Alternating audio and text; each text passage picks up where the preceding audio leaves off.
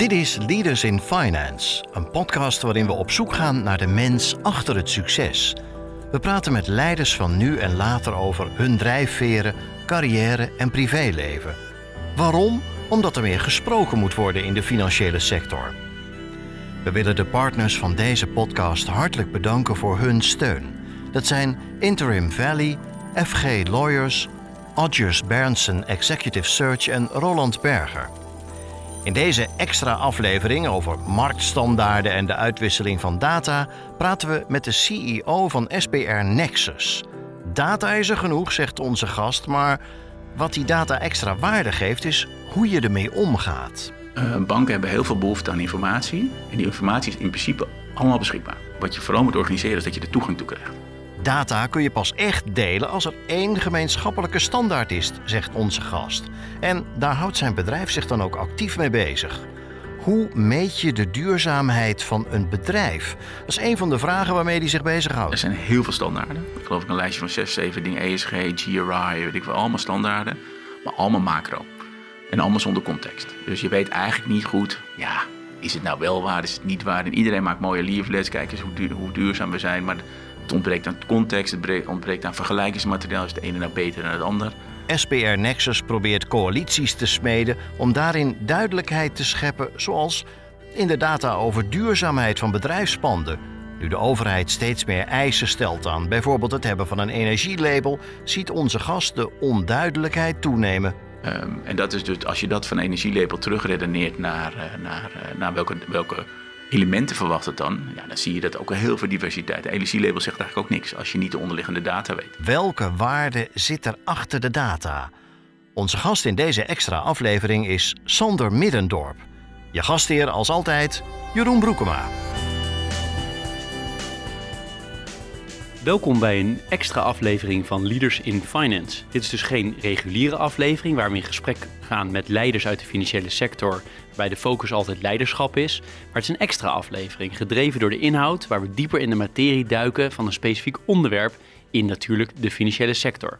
Het onderwerp van vandaag is marktstandaarden in de financiële sector en de uitwisseling van data. Ontzettend relevant onderwerp wat mij betreft. Uh, zeker in het licht van de duurzaamheidsuitdaging waar we als, als mensheid mee te maken hebben en de rol van de financiële sector daarin. Want ik vroeg me ook af, wat is nou de kwaliteit van duurzame gegevens op het moment? Zijn ze vergelijkbaar? En ook, je hoort heel veel dat dingen ESG-proof zijn. Um, maar zijn ze dat wel? Zijn ze, zijn ze ook hetzelfde als je ESG-proof bij de ene hoort en bij de andere hoort? Kortom, het klinkt me als dat er tijd is voor een, een marktstandaard daarin. Um, en ik heb Sander Middendorp, de CEO van SBR Nexus, bereid gevonden met mij hierover van gedachten te wisselen. Uh, eh, SBR Nexus ontwikkelt samen met de overheid, het bedrijfsleven en de financiële sector marktstandaarden. Dus volgens mij zitten we met de juiste persoon aan tafel. Welkom uh, Sander. Dankjewel. Leuk dat je de tijd neemt om, uh, om hierover van gedachten te wisselen. We zitten hier in het groen van Griete Bloemen, Bloemenheuvel in, in Driebergen kennen elkaar al een tijdje. Een tijdje, uh, nou, voorheen kwamen we wel elkaar nu om tegen. Nou, leuk om een keer in deze setting uh, te zeker, zitten. Zeker, En uh, ik dacht misschien leuk om eerst nog eens even een introductie over jou te krijgen. Dat we een beetje weten met wie we in gesprek zijn. Kan jij eens iets over jezelf vertellen? Jazeker, Sander Minnendorp, zoals je, je, net al zei. Um, woonachtig in Apkoude ook. getrouwd en drie kinderen. En uh, zakelijk gezien geboren en getogen bij uh, Rabobank. Uh, daar gestart vanuit, vanuit de studie, bedrijfseconomie, MBA gedaan. En ehm, nou, daar, zoals je bij Rabobank zegt, bij de lokale banken gewerkt. Amsterdam vooral. Daarna een aantal jaar voor Rabobank in het buitenland gezeten, in Californië. Silicon Valley gezeten onder andere. En daar ja, eigenlijk in contact gekomen met het fenomeen fintech. Dat kenden we toen eigenlijk niet. En dat werd voor het eerst genoemd. En ehm, nou, daar midden in de kredietcrisis gezeten en op zoek naar, eh, naar, naar oplossingen voor, eh, voor, voor de toekomst. Toen teruggekomen naar, eh, naar Rabobank in Utrecht en daar verantwoordelijk geworden voor product management, voor zaken kredietverlening.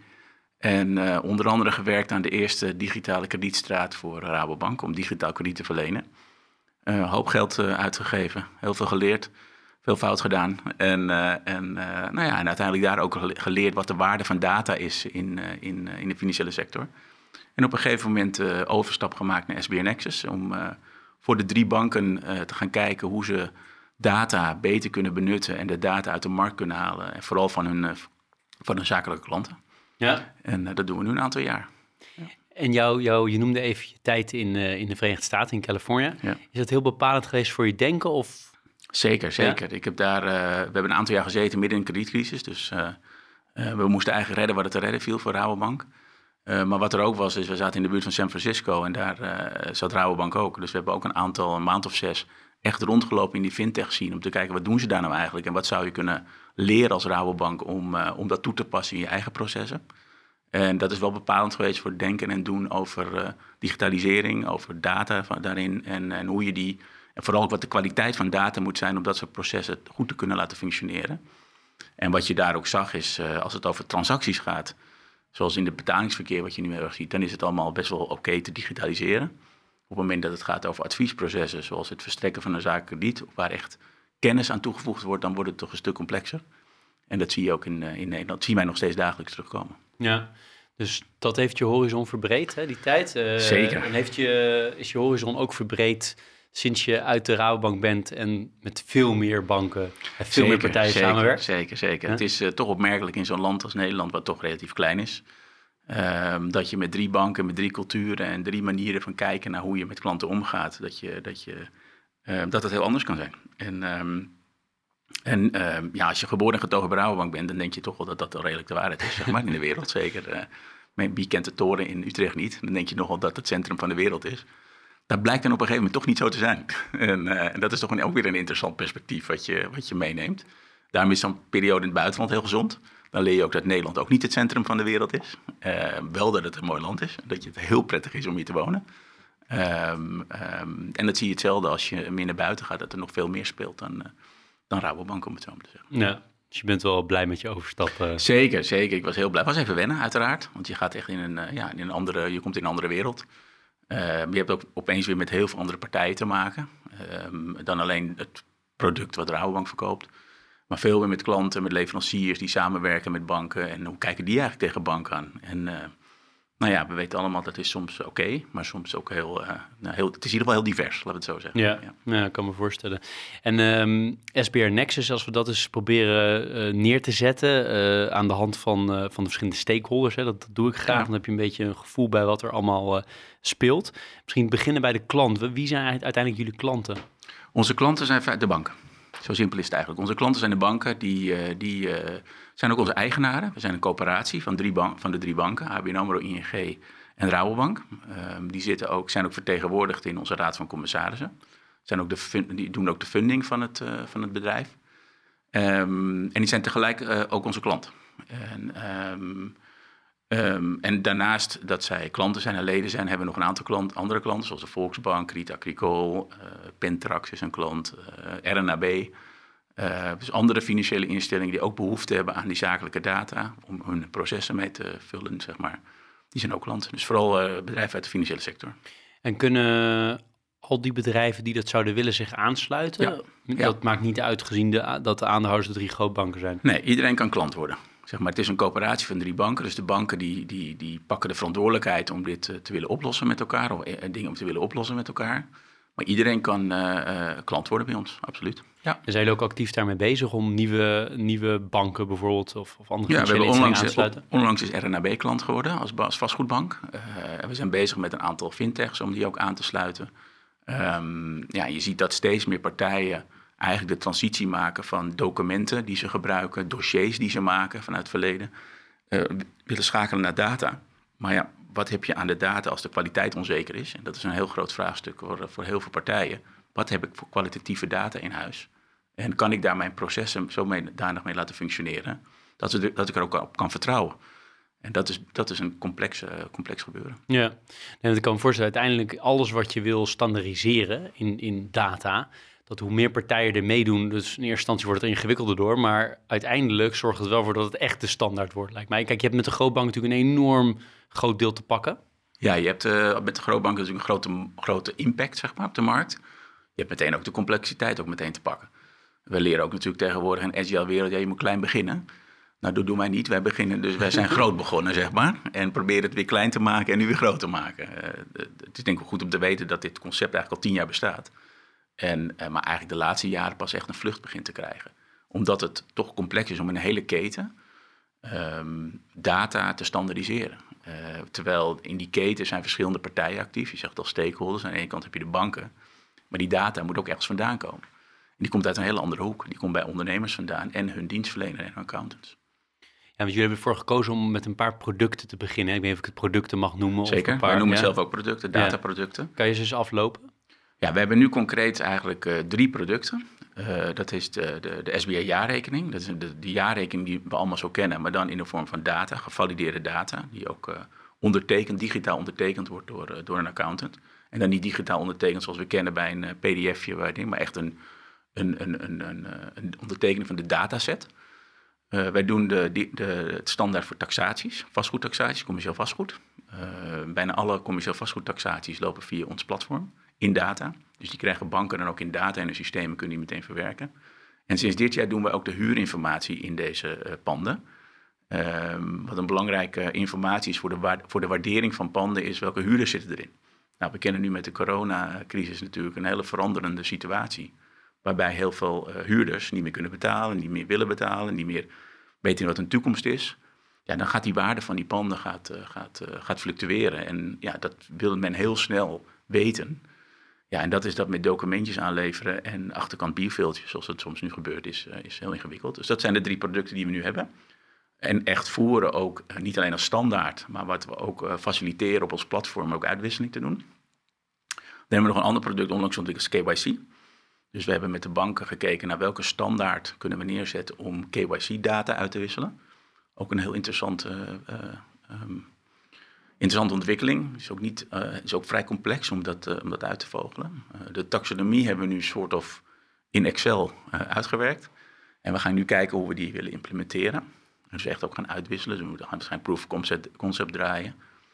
En, en wat nog in de kinderschoenen staat, maar wat wel heel veel interesse voor is, sustainability data, duurzaamheidsdata. Te kijken van ja, kunnen we daar al nu al nadenken over welke standaarden willen we in Nederland gaan voeren met elkaar. Om zo snel mogelijk ook impact te maken op de, op de, op de duurzaamheid. Ja, die noemde ik al even in de introductie, die vind ik heel erg, heel erg interessant. Ik kom straks nog even op terug, maar nog even de, de stakeholders aflopen. Je hebt de, de eigenaar heb je al genoemd, de klanten, dus daaronder ja. de producten. Um, hoeveel mensen werken bij jou en wat voor achtergrond hebben die? Wij werken met een man of twintig. Het ligt er een beetje aan hoeveel projecten we hebben. Soms dijt het wat uit uh, omdat we een, een groot project hebben.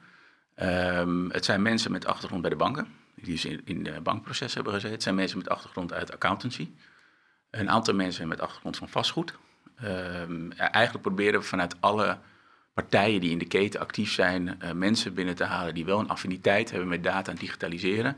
Maar ook begrijpen hoe zo'n sector in elkaar zit en hoe de sector denkt en doet. Want uiteindelijk kan je het allemaal technisch bedenken, maar uiteindelijk gaat het erom of de mensen met elkaar ook begrijpen en begrijpen wat ze met elkaar aan het doen zijn met elkaar. Dus je moet die sectoren en die partijen in de keten ook kunnen begrijpen om ook die verbinding te kunnen maken tussen die partijen, zodat ze ook uh, uh, ja, iets met elkaar gaan doen. Ja, ja. En even, um, toen ik uh, de website zat te bekijken en nog wat andere dingen zat te lezen, wil ik even goed checken of ik het goed begrepen heb. Je bent aan de ene kant bezig met standaardiseren, met zorgen dat dezelfde iedereen dezelfde waarde gebruikt, om maar even mijn woorden te zeggen. Aan de andere kant ben je ook bezig met het zorgen dat vervolgens diezelfde data ook met elkaar gedeeld kan worden. Ja. Heb ik dat goed uh, Ja. begrepen? Ja, wij doen, eigenlijk doen wij, wij grofweg doen wij drie dingen.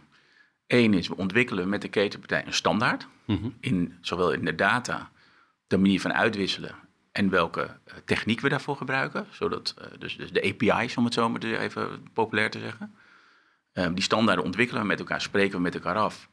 Eh, een voorbeeld, de SBA-jaarrekening is een standaard. Zo ziet een jaarrekening eruit. Daar gebruiken wij een bepaalde technologie voor, XBRL. Ik zal er verder niet altijd technisch over uitweiden, maar dat is een taxonomie.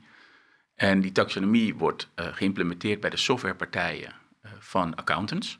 Zodat accountants met diezelfde data dat kunnen versturen naar de bank, die dat ook geïmplementeerd hebben in hun systemen. Ehm, daartussen zit een platform, dat is ons platform. En dat platform dat verzorgt het transport van die data en die verzorgt de validatie. Dus daar zit validaties op, zodat de datakwaliteit tot op zekere hoogte ook eh, ge- geborgd is. Enerzijds wordt de datakwaliteit geborgd door degene die het aanlevert, zoals een accountant met de juiste verklaring en de handtekening. En Aan de andere kant wordt het geborgd door de technologie die we gebruiken, doordat we crosschecks kunnen doen. De simpelste die ik altijd maar even voorgeld, dat in een jaarrekening de debit en credit van een balans klopt. Als dat niet klopt, wordt het teruggestuurd. Nou, dat is de simpelste en zo zitten er nog een heleboel andere checks in. Hetzelfde geldt voor een taxatierapport. Daar zit bijvoorbeeld een consistentiescore in. Is de waarde die afgegeven wordt, is die consistent met eerdere waarden die afgegeven worden? Of zit er iets, is op een pand opeens heel veel meer waard, terwijl dat onlogisch is gezien de onderliggende data? Als die, die zorgen ervoor dat banken uiteindelijk uh, meer beter kunnen vertrouwen op de informatie die ze krijgen. En het derde is dat wij gewoon ons, als kennispartner uh, ons opstellen om banken en al die ketenpartijen ook te helpen hoe dit te implementeren en elkaar aan te verbinden. Dus we hebben ook allerlei overlegstructuren waarbij al die partijen aan tafel zitten, waarbij ze van elkaar kunnen leren. Hoe werkt het nou eigenlijk bij jou? Ik kan het bijvoorbeeld bij banken willen altijd te veel. Die willen altijd heel veel vragen, die willen altijd heel veel hebben. Dat wilden ze vroeger al, wilden ze nu nog en dan willen ze waarschijnlijk over een jaar nog. En accountants, hun klanten, zijn niet altijd gedegen om dat allemaal te geven. Want ja, wat doet een bank ermee? Soms doen ze het goede mee, maar soms willen ze ook wel eens wat minder leuke dingen doen. Um, en, en, en, die partij probeert toch bij elkaar te bereiken. Maar ja, ik heb dit nodig, maar waarom heb je dat nou eigenlijk nodig? En wat ga je er dan mee doen? En, en et. Door dat bij elkaar te brengen, creëer je een soort wetigheidsbegrip, waardoor er beter uh, geleverd wordt, om het zo maar te zeggen. Ik kan me voorstellen dat als je, ik weet van voorheen, als, als uh, waar, ergens waar ik werkte, dat je een nieuwe software tool voor iets moest gaan gebruiken. En er waren twintig aanbieders op de markt. En uh, dat was een enorme discussie intern welke we dan moesten gaan gebruiken. Dat moet je hier ook hebben, toch? Want de ene wil dit item er wel in hebben. Misschien wil de bank het juist wel. Misschien alle banken wel, maar dan wil de accountant het weer niet. Je gaf het ook al een beetje aan. Dus je moet enorm ook diplomatiek te werk gaan om iedereen mee te krijgen. Want als je ze niet iedereen tevreden is, gaan ze misschien niet gebruiken. Of Zeker, dat is een groot probleem. Dat zie je ook nu. Bijvoorbeeld bij de SBA-rekening, dat duurt al vrij lang. Je hebt het over het implementeren, het implementeren van een product kan vrij lang duren. zoals ik al zei, als het, als het onderdeel is van een adviesproces, een jaarrekening is vaak onderdeel van een kredietverleningsproces. Nou, dan hebben heel veel mensen nog het idee, daar moeten we advies over geven. Wel financieren, niet financieren, is dat dan goed voor je of niet voor je? Terwijl het verstrekken van een waarde van een, van een pand is een transactie. Hoeveel is het waard? 100 of 200? Ja, prima. Eh, dat wat het is, is het. En dan zie je ook verschil in adoptie.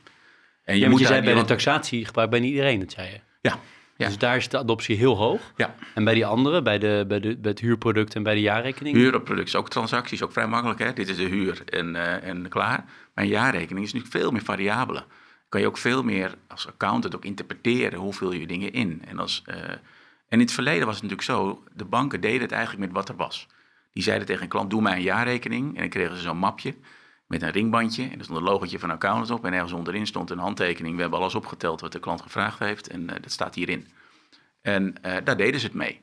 Totdat je gaat digitaliseren en, je, en dan kwam er een medewerker van de bank, die tikte dat over en die, wat, die niet, wat, die niet, wat er niet in stond, vroeg hij nog eens kennen klant en uiteindelijk frommelde hij dat in het systeem van de bank. En toen hadden we opeens datakwaliteit. En dat bleek niet helemaal goed te zijn. Toen ging men digitaliseren. En op als je digitaliseert, moet je opeens wel weten wat je wil. Want je kan niet tegen die computer zeggen, joh, interpreteer jij dat even wat, er, wat erin moet. Dus je moet veel meer weten, wat heb ik nou nodig per klant aan data en informatie om mijn processen te laten werken. En dat is een heel lang proces waar banken achter moeten zien te komen. Want dat is, niet zo, dat is toch niet zo makkelijk als dat je denkt. En dan krijg je heel veel discussies over, ja, ik wil dat veldje en ik wil dat veldje. Voorbeeldje, de eerste dataset die wij uitvroegen bij uh, klanten waren 14.000 velden van een jaarrapport. 14.000 velden.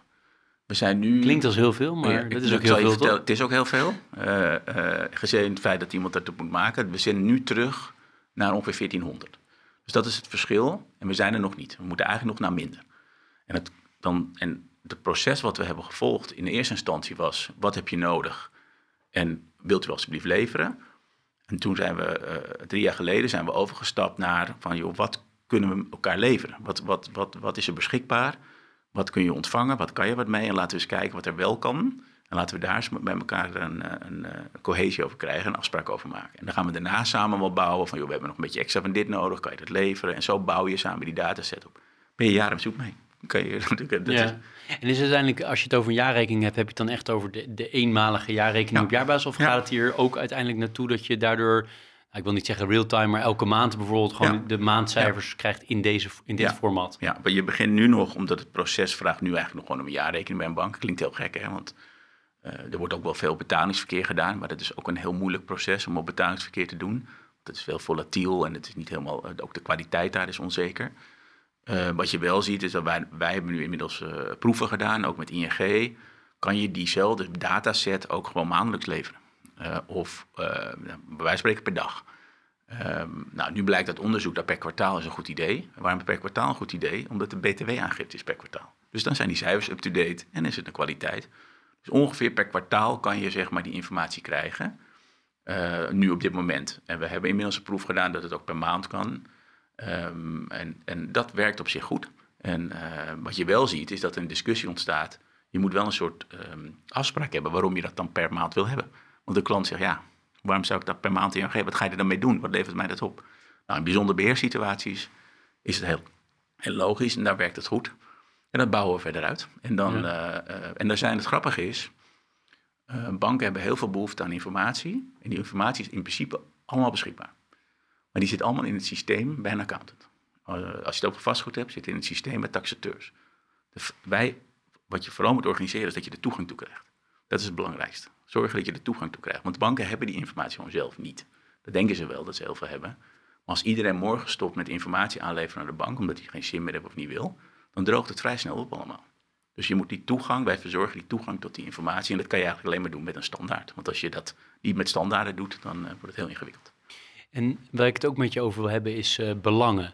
Want ik ben zo nieuwsgierig naar Um, zijn de, de belangen uiteindelijk hetzelfde? Gaat, gaat de discussie vooral over de, de invulling van wat moet er wel bij, wat moet er niet bij? Of is er ook een belangenkwestie? En een, een voorbeeld wat, wat ik bedacht van tevoren is, als je uh, als accountant hier uh, aan mee gaat werken, zou je bijvoorbeeld kunnen denken dat op termijn de klant direct naar de bank levert, dat de accountant daar op bepaalde onderdelen eruit kan.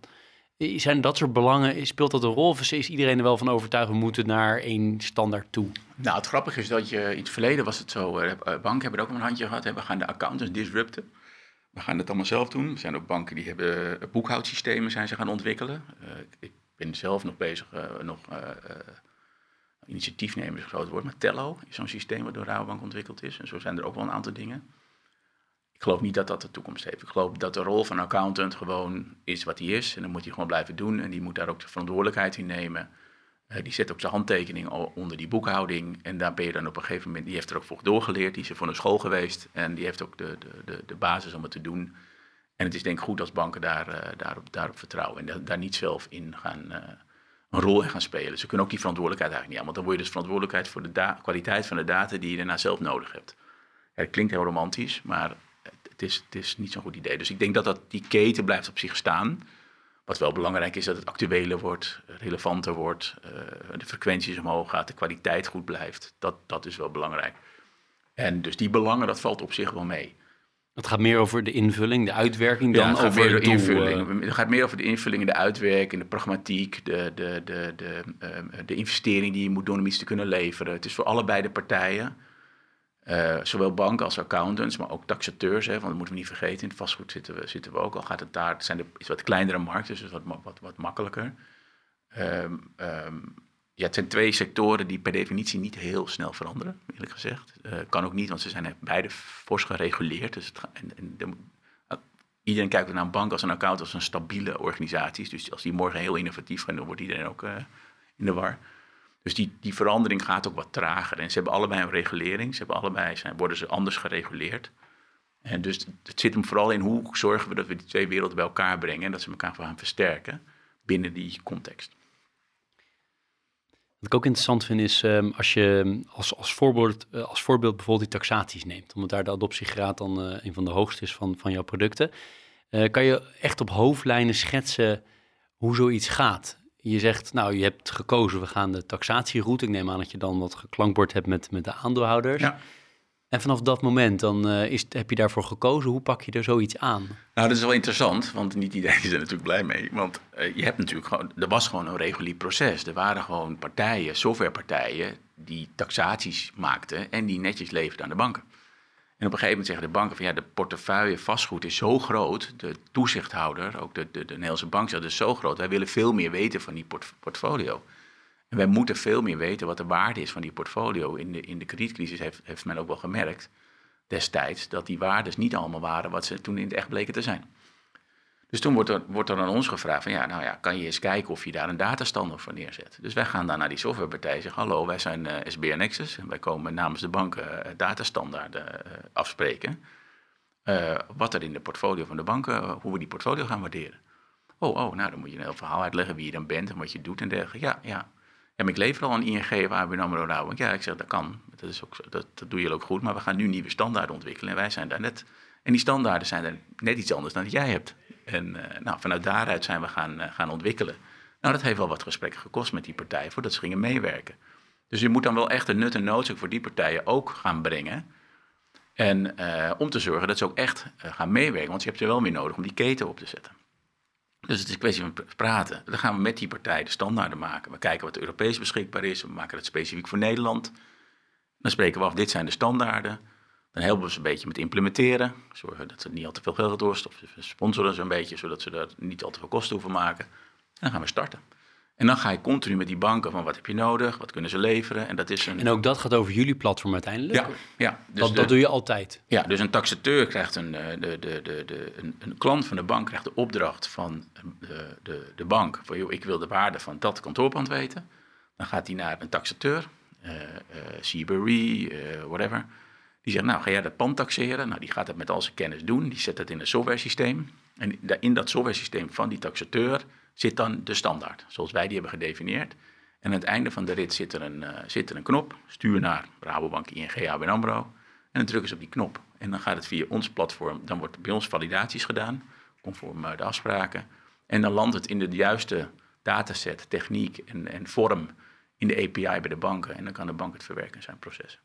En is uh, uiteindelijk een gestandardiseerd uh, taxatierapport of jaarrekening of welk ander uh, product dan ook, is dat minder fraudegevoelig? Of zitten er andere fraudecomponenten die daar juist weer... Um, het is wel minder fraudegevoelig omdat je consistentiechecks kan doen. Dus je kan bepaalde dingen als dit dan dat. Dat, kan, dat kunnen wij in de software organiseren. Dus je haalt gekke dingen er wel uit.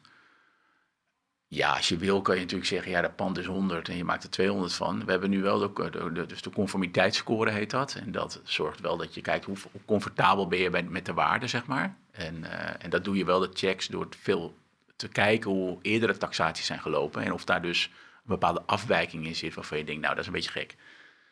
Dat doe je ook om de waarde goed in te schatten, maar daar zou je ook natuurlijk uit kunnen kijken of daar fraude tussen zit. Het is niets bestemd voor fraude, uh, om fraude eruit te halen, dat niet. Dus, als, als je, dus dat is niet het doel, maar een, een, bijproduct is wel dat het veel lastiger wordt. Ja, helder.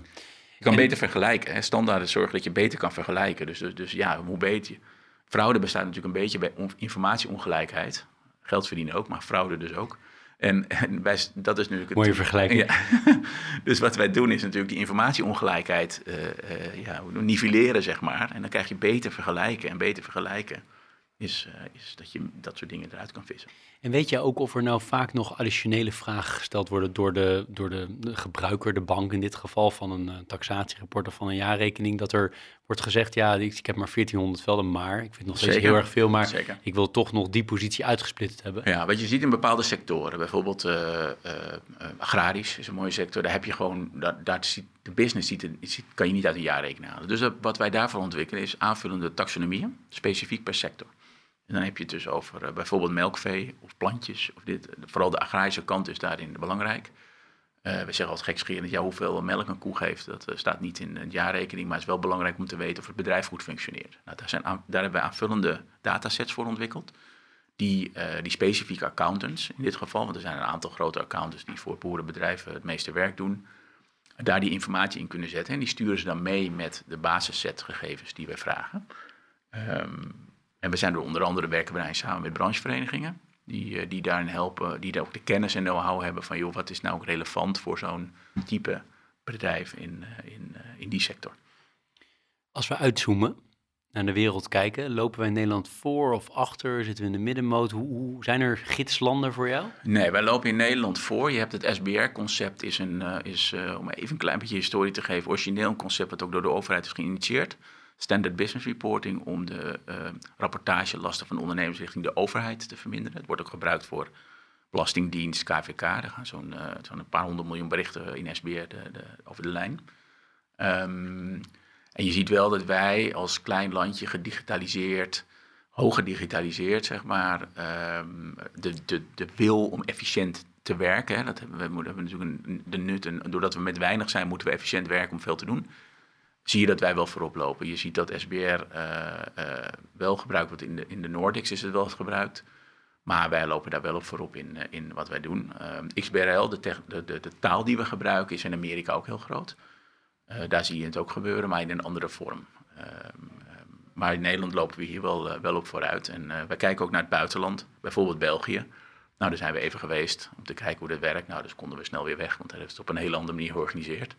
Um, we hebben wel eens met, met een partij gesproken van in Frankrijk, kun je daar organiseren? Nou, dat is voorlopig ook geen... Uh, je ziet dat samen, wat je, wat je in Nederland vaak ziet, is je hebt... Wij hebben toch wel de, de, de natuurlijke drang om met elkaar te gaan nadenken hoe kunnen we samenwerken. Wat is het competitieve deel wat we doen en wat is het niet-competitieve deel wat we doen? Nou, dat competitieve deel dat laten we zitten. Dus wat je met de data doet en welke keuzes je maakt, moet iedere bank zelf weten. Uh, maar wat je samen kan doen, nou, daar hebben we toch wel de neiging van als we dat efficiënter samen kunnen doen, lees het kost minder, dan uh, zijn we toch wel geneigd om dat, uh, om dat graag te doen. Toch polderen. Polderen heeft ook een functie, ja, in dit geval wel. En uh, krijg je dan delegaties ook over de vloer uit andere landen als wij als, wij als Nederland relatief voorlopen? Zeker. Nou, we worden, je, hebt een, uh, de, de, je hebt wel een, een, Europese vereniging, is XBRL Europe, XBRL Nederland. Dus wij zijn voor corona regelmatig op pad geweest, waarbij we in uh, Italië, in Duitsland zijn geweest om, om uit te leggen wat we doen, hoe we het doen. Ja, is natuurlijk bijst interessant, maar die mensen zitten met grote ogen naar te kijken dat er dus drie banken samen aan het overleggen zijn van hoe kunnen we dit efficiënt organiseren. En zij denken wij zelf, hoe kan ik met, hoe kan ik met al die banken in Duitsland gaan overleggen om het efficiënt te organiseren? Dat, is, dat, dat werkt niet zo. En in Frankrijk niet. België kan nog misschien wel.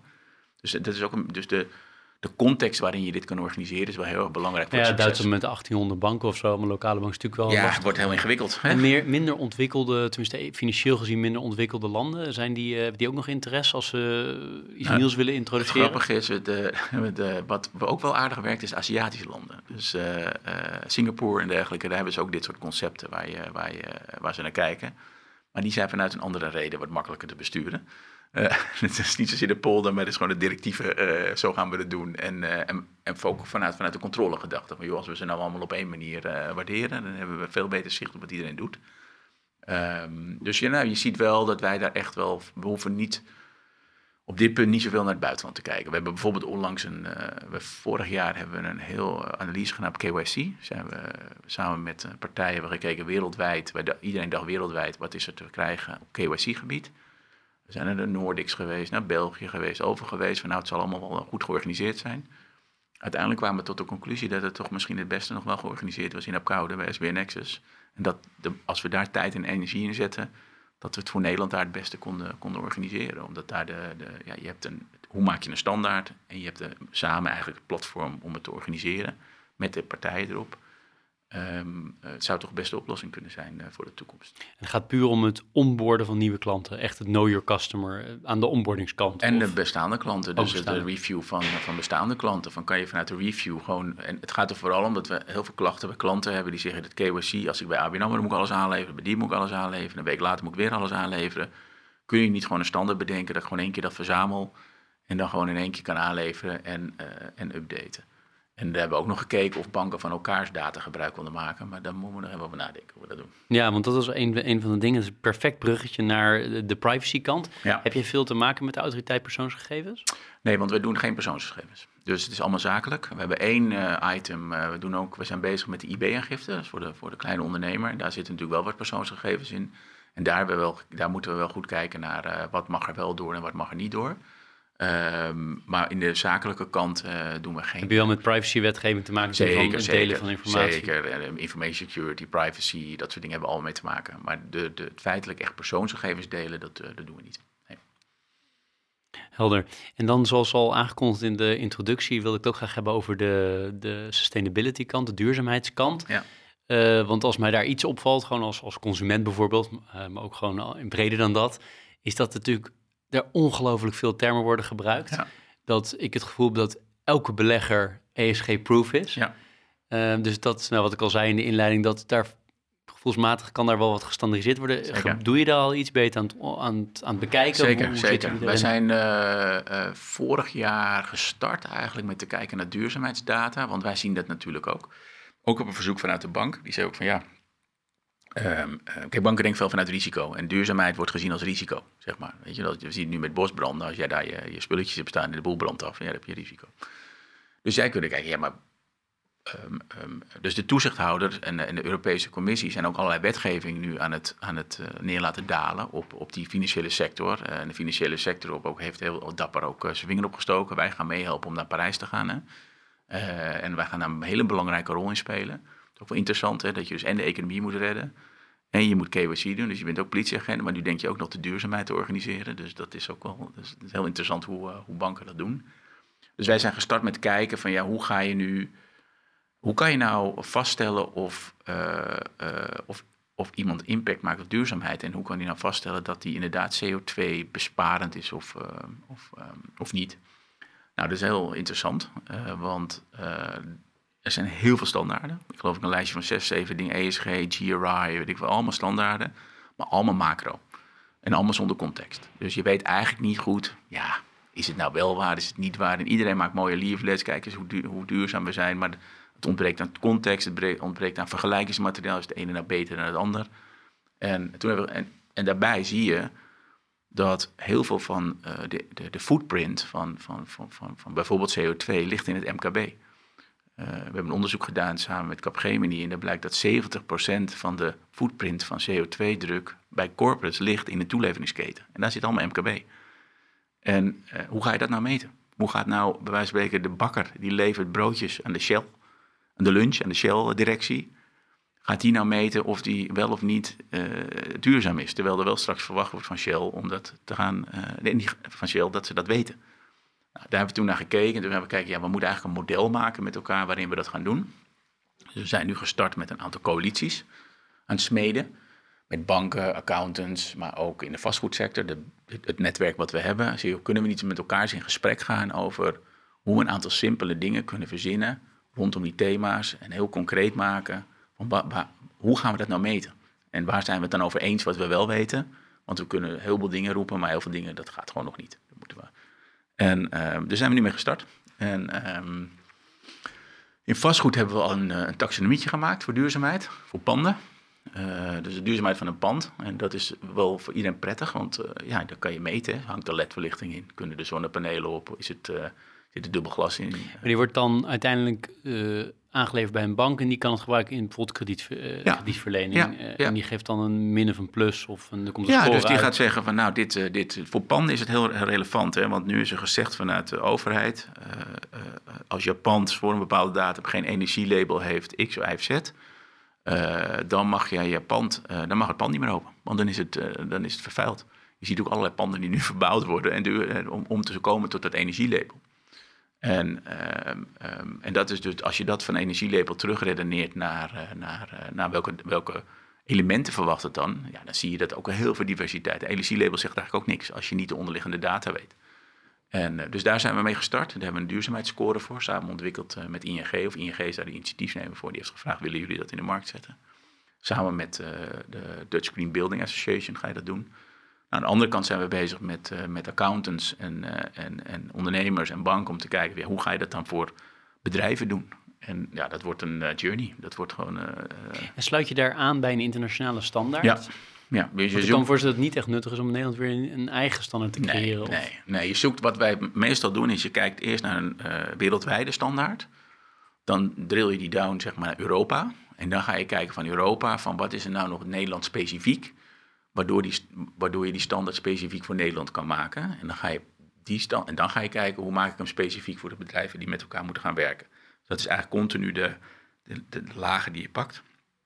En dan kom je tot iets en dan ga je aan werken met de wetenschap dat het nooit perfect is. Dus je doet een deel goed en dan ga je met elkaar werken en dan mis je een deel of dan kan niet geleverd worden. En dan ga je dat steeds verbeteren in, eh, in, eh, in plateaus, om het zo maar te zeggen. En dat is eigenlijk een ongoing, ongoing journey. Ja, en ik kan me voorstellen, hè, eh, gezien als je dezelfde, als je de analogie volgt van hoe je het eerder hebt aangepakt, dat je ook hier weer begint met een paar niche, semi-niche markten. Dus Vastgoed bijvoorbeeld. Vastgoed het is is- heel groot, maar ja. een niche binnen de Ja, totale... het is, je hoeft niet zozeer in grootte te kijken, maar het zit er meer in complexiteit. Dus de, de, de, wat je merkt is wel, het moet begrijpbaar zijn voor mensen. Want je start met mensen om erover te praten. Nou, iedereen kan je uitleggen, daar staat een pand. En dat pand dat, eh, dat, eh, dat stoot CO2 uit, of dat heeft wel of geen ledverlichting, dat begrijpt iedereen. En dan krijg je ook dat iedereen zeg maar, begint te begrijpen hoe het werkt. En dan pak je een iets complexere situatie. Uh, waarbij het niet helemaal duidelijk is van hoe, zo, of zo'n bedrijfsproces nou wel of niet duurzaam is, ja of nee. Kijk, als je Tata Steel neemt en Shell, dan kom je er ook nog wel snel achter. Als jij gewoon naar, met een sector gaat praten als transport en dergelijke, ja, dat wordt al een stuk ingewikkelder. Lijkt, lijkt spannend, maar is toch wel ingewikkelder als je er echt induikt. En um, nou ja, we beginnen gewoon met vastgoed, dat vinden we is overzichtelijk. Heb je ook hoge impact, zeker voor de financiële sector. Is ook een driver om het te willen doen. Hè? Mensen moeten er ook wel zin in hebben, zeg maar. Of het moet, moet eigenlijk. En dan pak je een steeds complexer iets. En is, wat is de rol van de overheid hier uiteindelijk? Want het kan ook zijn dat de overheid gewoon bepaalde standaarden oplegt of accounts verplicht om bepaalde dingen op te nemen in hun jaarrekening. Of... Ja, zeker. Je hebt een raad voor de jaarverslaggeving en die is, die is jaarlijks stelt die vast wat erin moet. En, en dat komt dan in de Nederlandse taxonomie. Um, uh, en die nemen wij dan over. En vaak stoppen we er als bank nog wat bij. Uh, als banken nog wat bij. en die neem je over. Dus er is gewoon een, een, jaarlijks een soort review. En dan zegt de overheid, dit moet erbij, dit, dit moet anders genoemd worden of wat dan ook. En, en dat, zo wordt, werkt dat proces, zeker. En voor taxatie zit het weer anders. Dan zit je... Um, um, dan zijn we veel meer zelf die bepalen wat de standaard is en hoe we dat doen. Het ligt er een beetje aan of er een overheidsinstantie is die daarmee, mee, of een toezichthouder die zich daarmee bemoeit. Nou, helder uitgelegd. Een beetje richting het einde toewerkende, uh, wat zijn jouw grote wensen voor de komende tijd? Waar zou je echt uh, nou, groot succes mee kunnen boeken? Nou, kijk, dat, de, de jaarrekening loopt gewoon door. Dat is een ongoing proces. Dat, dat, dat heeft ook nog andere, hele andere dynamieken waarom dat, uh, waarom dat, dat gaat groeien. Um, je ziet daar vooral in de corporate kant nog een hele slag te maken. Dan zie je dat is veel handjeswerk. Dat is digitalisering in de, in de, in de grootzakelijke financieringshoek is nog, staat eigenlijk nog in de kinderschoenen. Op vastgoed gaat dat gaat gewoon door. Dat is een, dat is een, uh, een, het mooie van vastgoed is een vrij traditionele branche, dus sector. Ehm, maar die hebben nu wel de digitaliseringsslag gevonden. Ja, ik vind het onderwerp sustainability is natuurlijk bijster interessant. En waarom het bijster interessant is, is er is wel wat over nagedacht. Er is een enorme drive van mensen om duurzaam te zijn. We hebben nu het fenomeen data, zeg maar, wat we, we hebben er niet een hele grote change. Dus we kunnen eigenlijk meteen beginnen met data. Er zijn niet allerlei documentjes waar het in vast ligt en dergelijke. Of de legacy is wat minder. Dus je kan daar met elkaar meteen lekker starten. Goed starten met elkaar. En dat lijkt me wel cool. Lijkt me echt wel cool als je daar nu als, als, als je als financiële sector heeft gezegd... Wij gaan meehelpen aan, aan, aan, die, aan die transitie energietransitie, whatever, dan, dan zou het wel goed zijn om daar nu ook al met elkaar over na te denken. En dat gebeurt ook in allerlei samenwerkingsbonden. Eh, PICF is er een, de coalitie die wij ontwikkelen is er een. Ja, dat zou wel leuk zijn, omdat je dan... Kijk, data is dan natuurlijk leuk, maar het is eigenlijk helemaal niet tastbaar. Ik bedoel, wij zitten de hele dag over te praten, maar we zien helemaal niet wat er gebeurt. En hiermee kan je ook nog een beetje impact realiseren. En kan je ook laten zien wat het doet als je, als je op een goede manier met die data en die datastandaarden omgaat. Dan heb je ook nog een goed gevoel erbij. Dus dat is ook nog Nou, dat kan me voorstellen. Ja, als je nog directere impact hebt, is altijd mooi natuurlijk. Ja, het is ook Een, eh, dan, een, dan heb je ook een beetje een goed gevoel bij wat je doet. Zeg maar, uh, uh, dat, is natuurlijk wel, dat is natuurlijk wel leuk voor je werk. Ja.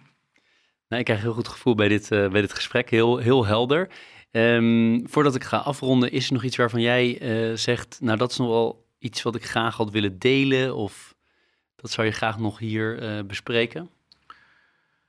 Nou, nou, nou, volgens mij heb ik alles wel een beetje vernoemd eigenlijk. Volgens mij ben ik er heel eind gekomen. En, uh, en uh, nou ja, wat ik al zei, sustainability is heel belangrijk. Ik denk wel dat, dat ja, wat, wat, wat, ik vind de algemene discussie over data vind ik altijd heel interessant. Ik ben ook nog voorzitter van de Data Sharing Coalition. Dat gaat over cross-sectoraal data delen. Dus hoe gaat de ene sector, de energiesector, nou data delen met de financiële sector? Uh, bijvoorbeeld hebben we daar nagedacht een concept rondom hypotheken. Kan je de, energie, de digitale energiemeter zegt iets over de duurzaamheid in je huis, kan je die meegeven aan die hypotheek en daardoor een goedkope hypotheek krijgen? Of uh, uh, IoT-data die vanuit een boerderij komt, kan je die gebruiken om uh, betere business te doen en je koeien beter te voeren. Dus we zitten ook op andere niveaus, ben ik betrokken bij datadelen. En, um, um, ja, wat heel interessant is, wat, wat altijd wel aardig is met data, en mensen vinden het toch wel lastig is. Men denkt altijd dat data ergens is of zo. Dat dat, dat, dat rondzweeft. We hebben natuurlijk cloud. Nou, iedereen denkt dat alles in de cloud staat, maar de, de cloud is gewoon hier in de, in, in de polder staat een, uh, een heel groot gebouw met allemaal servers. En dat is de cloud, zeg maar, dus van fysiek. Uh, en dat is met data ook. Dus in, ik denk dat iedereen moet realiseren dat data moet wel ergens gemaakt worden. Weet je, dat, dat, dat is niet iets wat ontstaat, zeg maar. En daar moet je gewoon over nadenken. Wat heb ik nodig? En welke data heb ik nodig? En, uh, en ik denk in de financiële sector dat dat voor iedereen wel, als je erin werkt, dat het handig is om te weten dat het ergens gemaakt moet worden. Dus, ja. Mooi, mooi einde. Ja, het moet ergens, ergens vandaan komen. Ja, het moet ergens vandaan komen, ja. Sander, ik wil je heel hartelijk uh, danken voor de, voor de tijd en uh, de, de hele heldere uitleg. Met, uh, met mooie, ook mooie humor tussendoor. Dat maakt het nog leuker om naar te luisteren ook. Um, dat kan de luisteraar niet zien, maar ik heb daar twee pakketjes liggen van Bocca Koffie. Dat is een B Corp gecertificeerd bedrijf die de bedankjes verzorgt voor Leaders in Finance. Je mag straks kiezen of je de, de gemalen wil of de bonen wil. Ja, ja. Dus dat doen we even na de aflevering. Maar heel erg veel dank voor je tijd. Dankjewel. Dankjewel. Dit was Leaders in Finance. We hopen dat je deze aflevering met veel plezier hebt beluisterd. We stellen je feedback erg op prijs. Wat houdt je bezig en over wie wil je meer horen? Laat het weten via een Apple of Google review. Dat kan ook via de sociale media kanalen of direct via een e-mail. We kunnen het enorm waarderen als je dat doet. Tot slot danken we onze partners voor hun steun. Dat zijn Interim Valley, FG Lawyers, Odgers Berndsen Executive Search en Roland Berger.